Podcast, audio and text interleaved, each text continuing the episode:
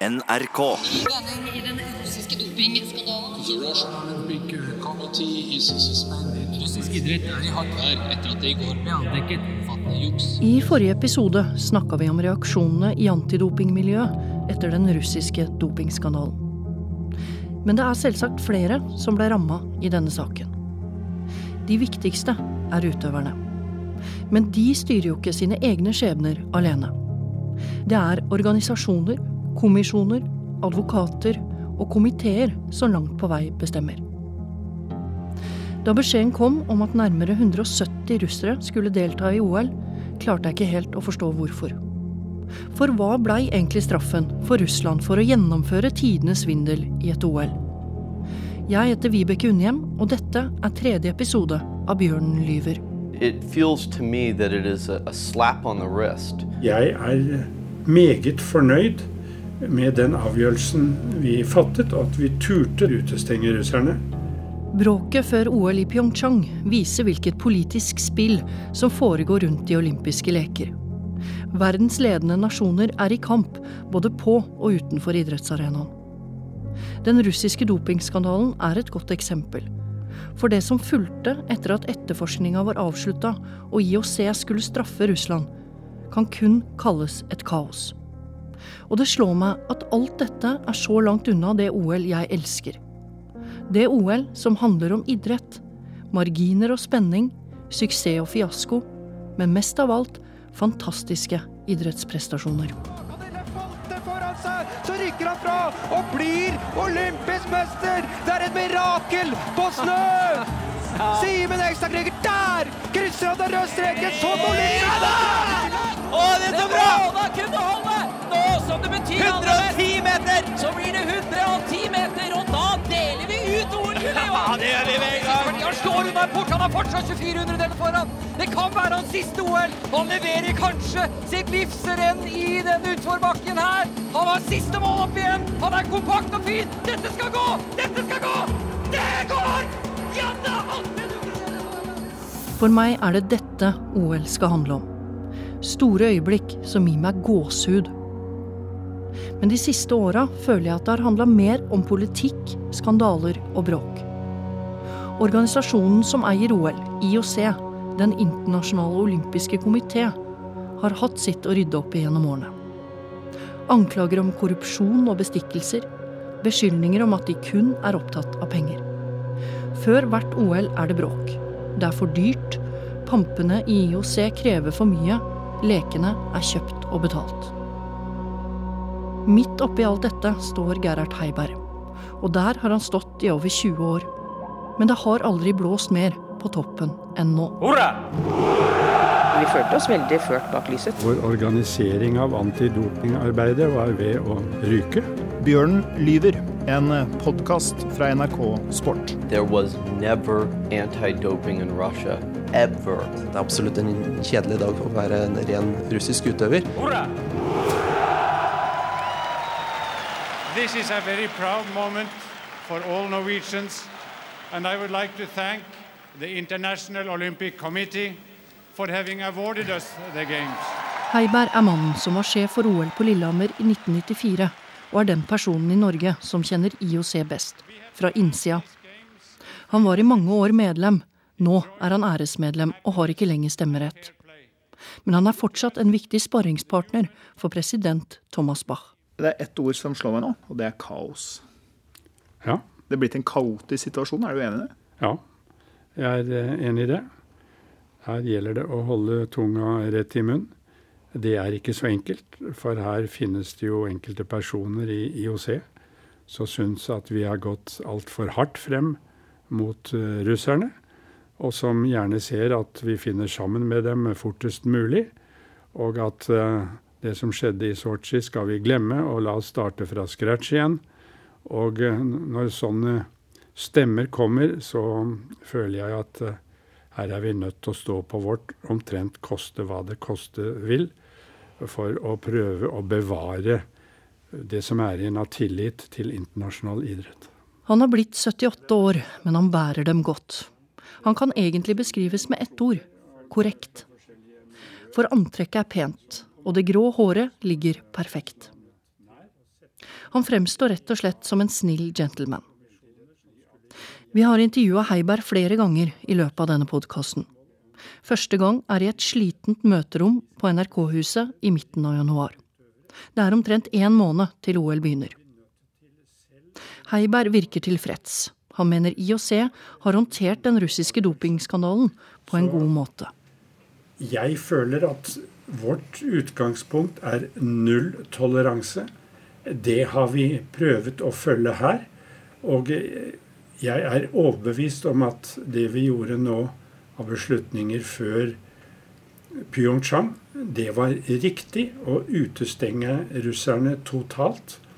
Men også ta hensyn til at vi har testet en del utøvere utenfor Russland og vet at de er eh, rene. Og da får vi ta den konsekvens at ja vel, de skal få delta, slik at enkeltindivider som er rene, kan delta, men ikke under russisk flagg. Så jeg er meget fornøyd med den avgjørelsen vi fattet, og at vi turte ta det standpunktet og står på det. Da dette intervjuet ble gjort, hadde IOC utestengt 43 russiske utøvere fra OL på livstid, og strøket resultatene deres fra OL i Sotsji. I tillegg fikk ikke Russland som nasjon delta i lekene i Sør-Korea. Men 169 russiske utøvere som ikke kunne knyttes til doping, fikk klarsignal til å delta under nøytralt flagg som Olympic Athletes from Russia. En avgjørelse som frustrerte mange. It's not so much personally whether I think it's enough or not enough, but politically han her husker du kanskje fra første episode. Mannen som lagde dokumentarfilmen Ikarus, Brian Fogel. Han mener IOC ikke straffer Russland hardt nok. Flere undersøkelser har konkludert med at Russland har hatt et statlig dopingregime og Fogel mener de slipper altfor billig unna. To the outside world is a ban of Russia from the Winter Olympics.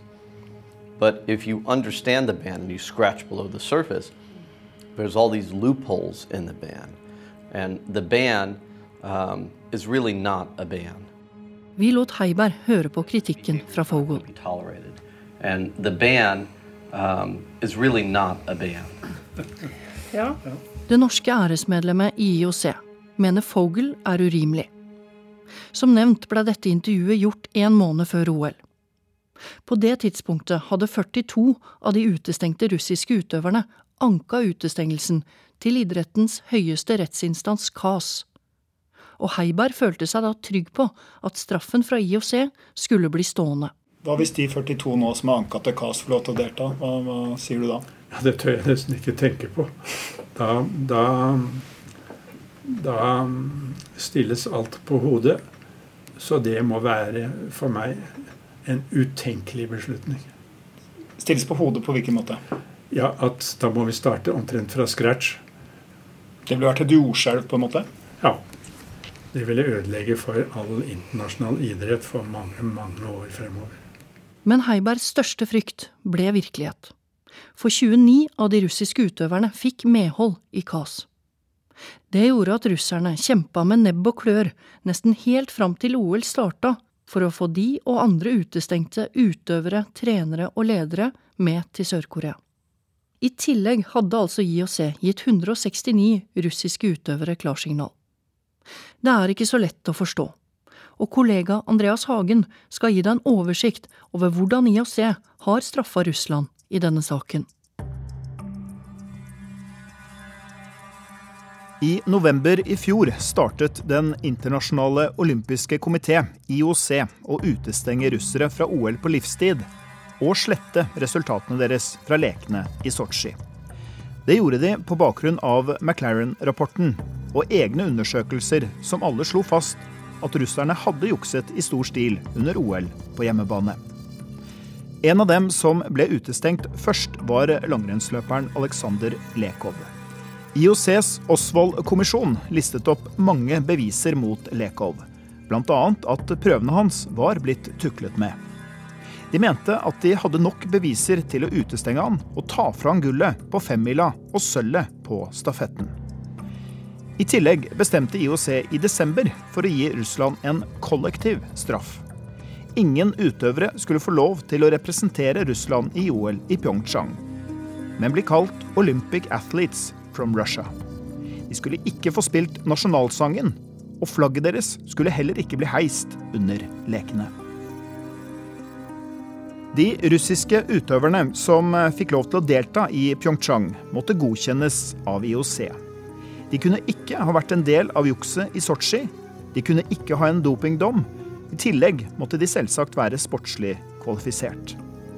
169 russiske utøvere fikk grønt lys, mens 110 andre ble nektet deltakelse i OL i Sør-Korea. Men i ukene før lekene i Pyeongchang oppsto det som må kunne kalles et kaos. 28 av russerne ble frikjent av KAS, Bevisene for at de var dopet under OL i Sotsji, var ikke gode nok. KAS er idrettens øverste domsinstans. Den kan sammenlignes med Høyesterett. Men IOC sto på sitt. De ville ikke ha med disse utøverne i OL. Russerne ville heller ikke gi seg. Kun dager før OL-ilden skulle tennes, returnerte de til KAS og krevde at 60 utestengte utøvere og ledere skulle få delta i lekene. Men det fikk de ikke medhold i, og samtlige ble nektet å delta i OL. Blant dem flere store stjerner som Aleksandr Lekov, Sergej Ostjogov og Anton Sjipolin. Som du sikkert skjønner, dette har blitt et drama uten sidestykke i dopinghistorien. Og det er dette som er Brian Fogels poeng. Hvorfor ga IOC Russland muligheten til å lage det kaoset som oppsto? Han mener de burde utestengt Russland. Punktum. Ingen forbehold. Ingen smutthull. And what is going on right now is all these athletes that were under the state-sponsored program are appealing their bans because they didn't test positive.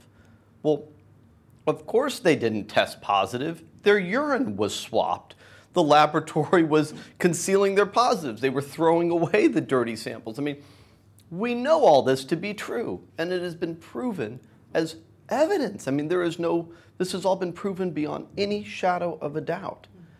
And so, you know, it, it, it feels to me that it is a, a slap on the wrist. You have to understand that there was never anti doping in Russia, ever, in all of history. The entire system was anti anti doping. And, and if this was any other country, if this was Nicaragua, if this was Norway, if this was Finland, if this was Guatemala, the Olympics would have no problem taking this really, really hard stance. But when it comes to Russia, who is their single biggest contributor to the IOC, the Olympics won't do anything.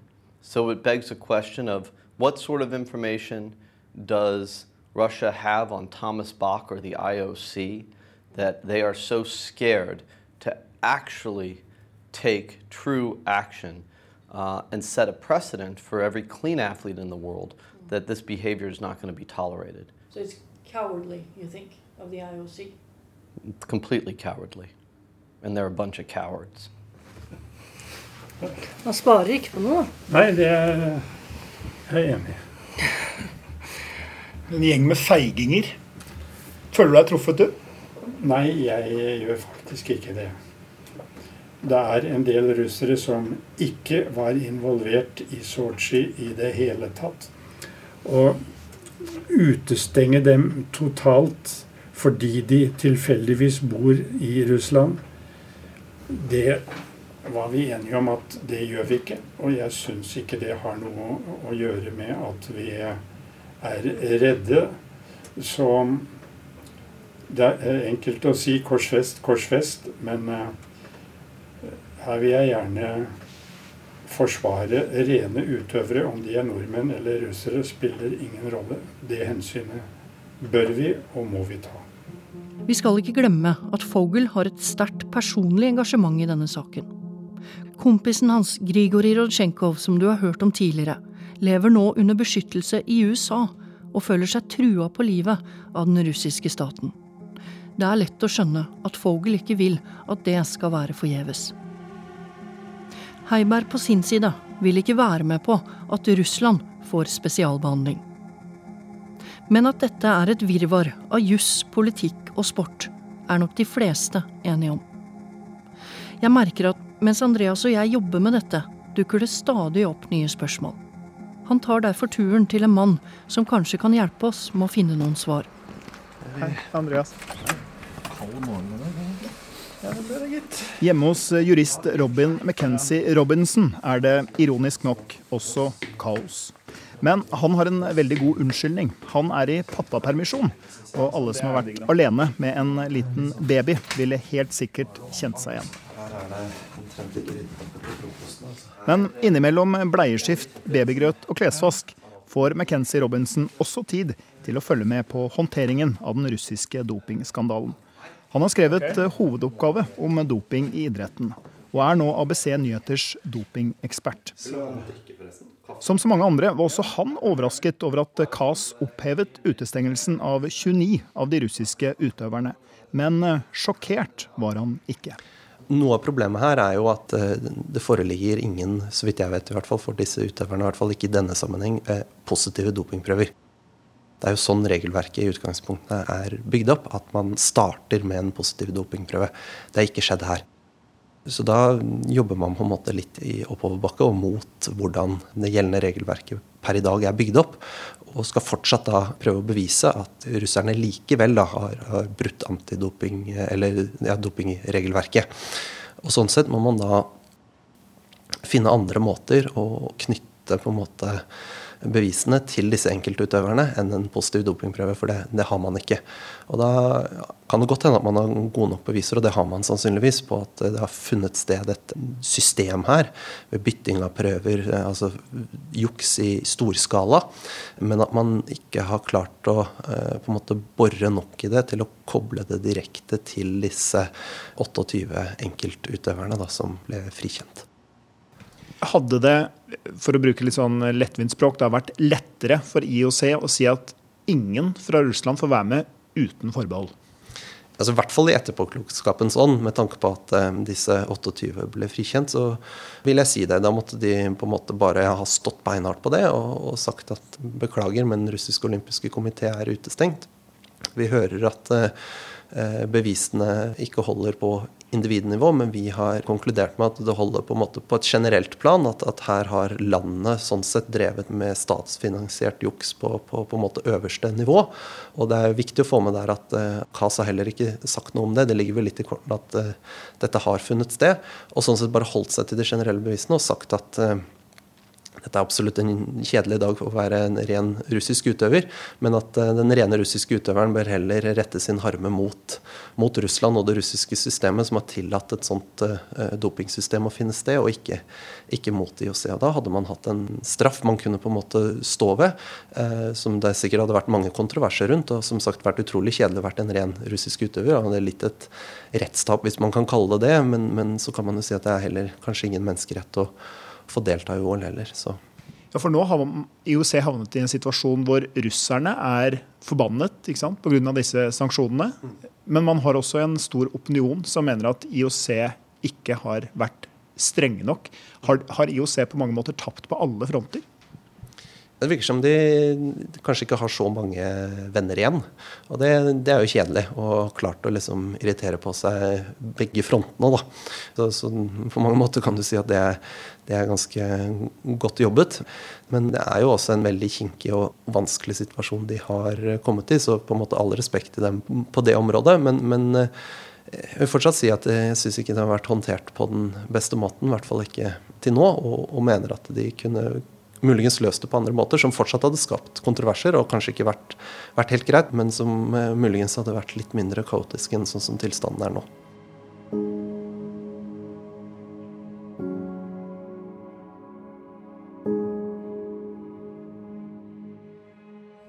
Hei, hei. Velkommen tilbake.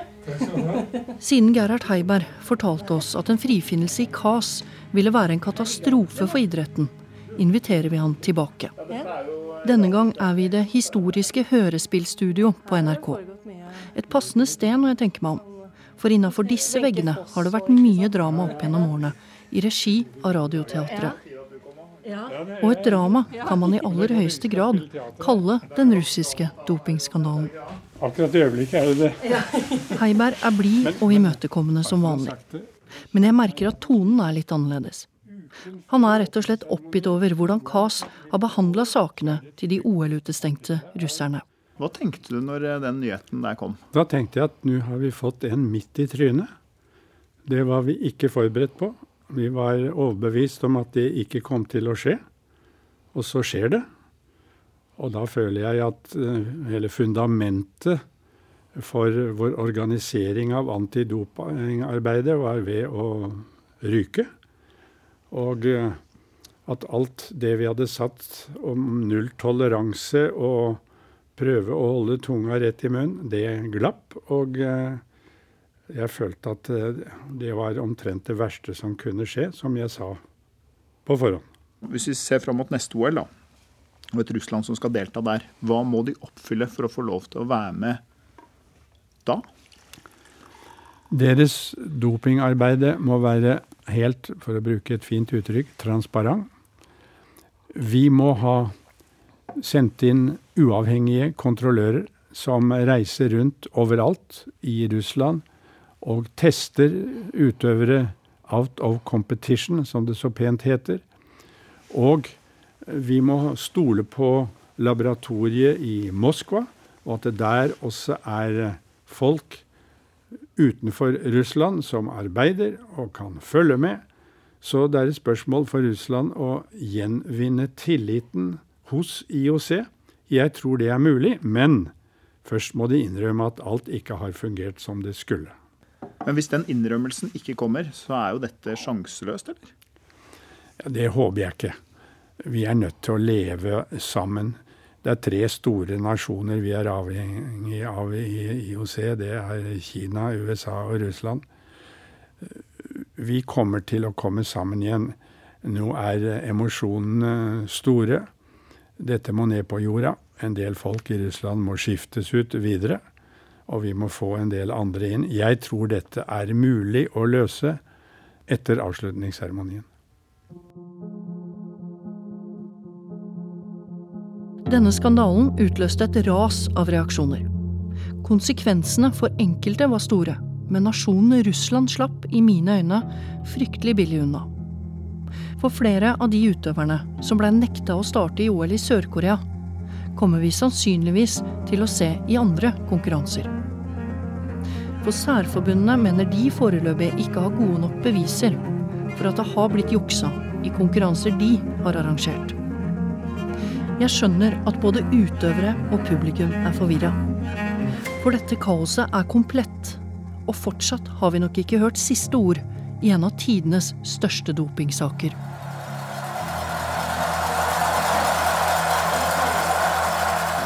Da jeg var liten, husker jeg at OL var noe magisk. Sommer som vinter. Jeg satt i sofaen og heia fram heltene mine.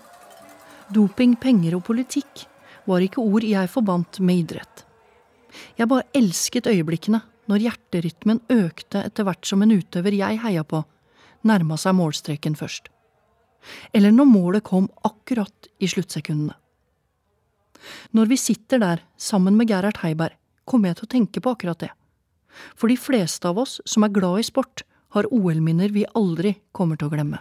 Jeg var på OL i 1952, og det var en stor opplevelse for en liten gutt med en far som ellers var stille og rolig av seg, men da tok det helt av og kastet hatten utover forsamlingen og ropte og skrek da Hjallis løp eh, på Bislett og vant. Og for en liten gutt på tolv år så var det en kjempeopplevelse. Så jeg var mer opptatt av min fars eh, opptreden enn resultatene, husker jeg. er, det, er det fortsatt et av de største OL-øyeblikkene du har opplevd, til tross for så mye som du har vært med på? Ja, jeg tror nok det. Jeg ser fremdeles den hatten som gikk utover forsamlingen.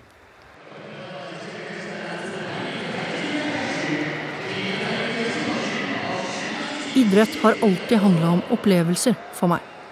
I 2008 var jeg i mitt første OL, og jeg var til stede i fugleredet i Beijing da Usain Bolt sto på startstreken på 100-meteren. 90 000 mennesker som blir helt stille, og så Sett.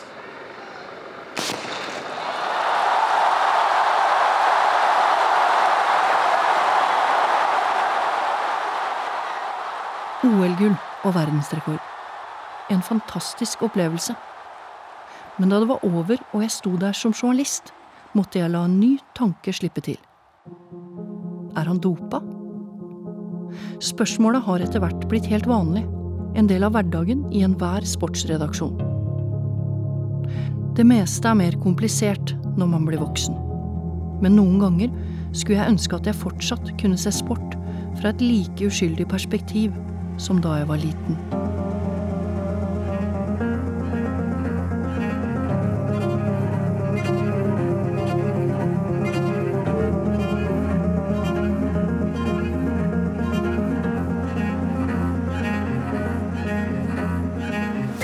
Bjørnen lyver er laget av Vibeke Unnhjem og Andreas Hagen. Lyddesign Hilde Rolfsnes, komponist Marius Christensen og manuskonsulent Kjetil Saugestad.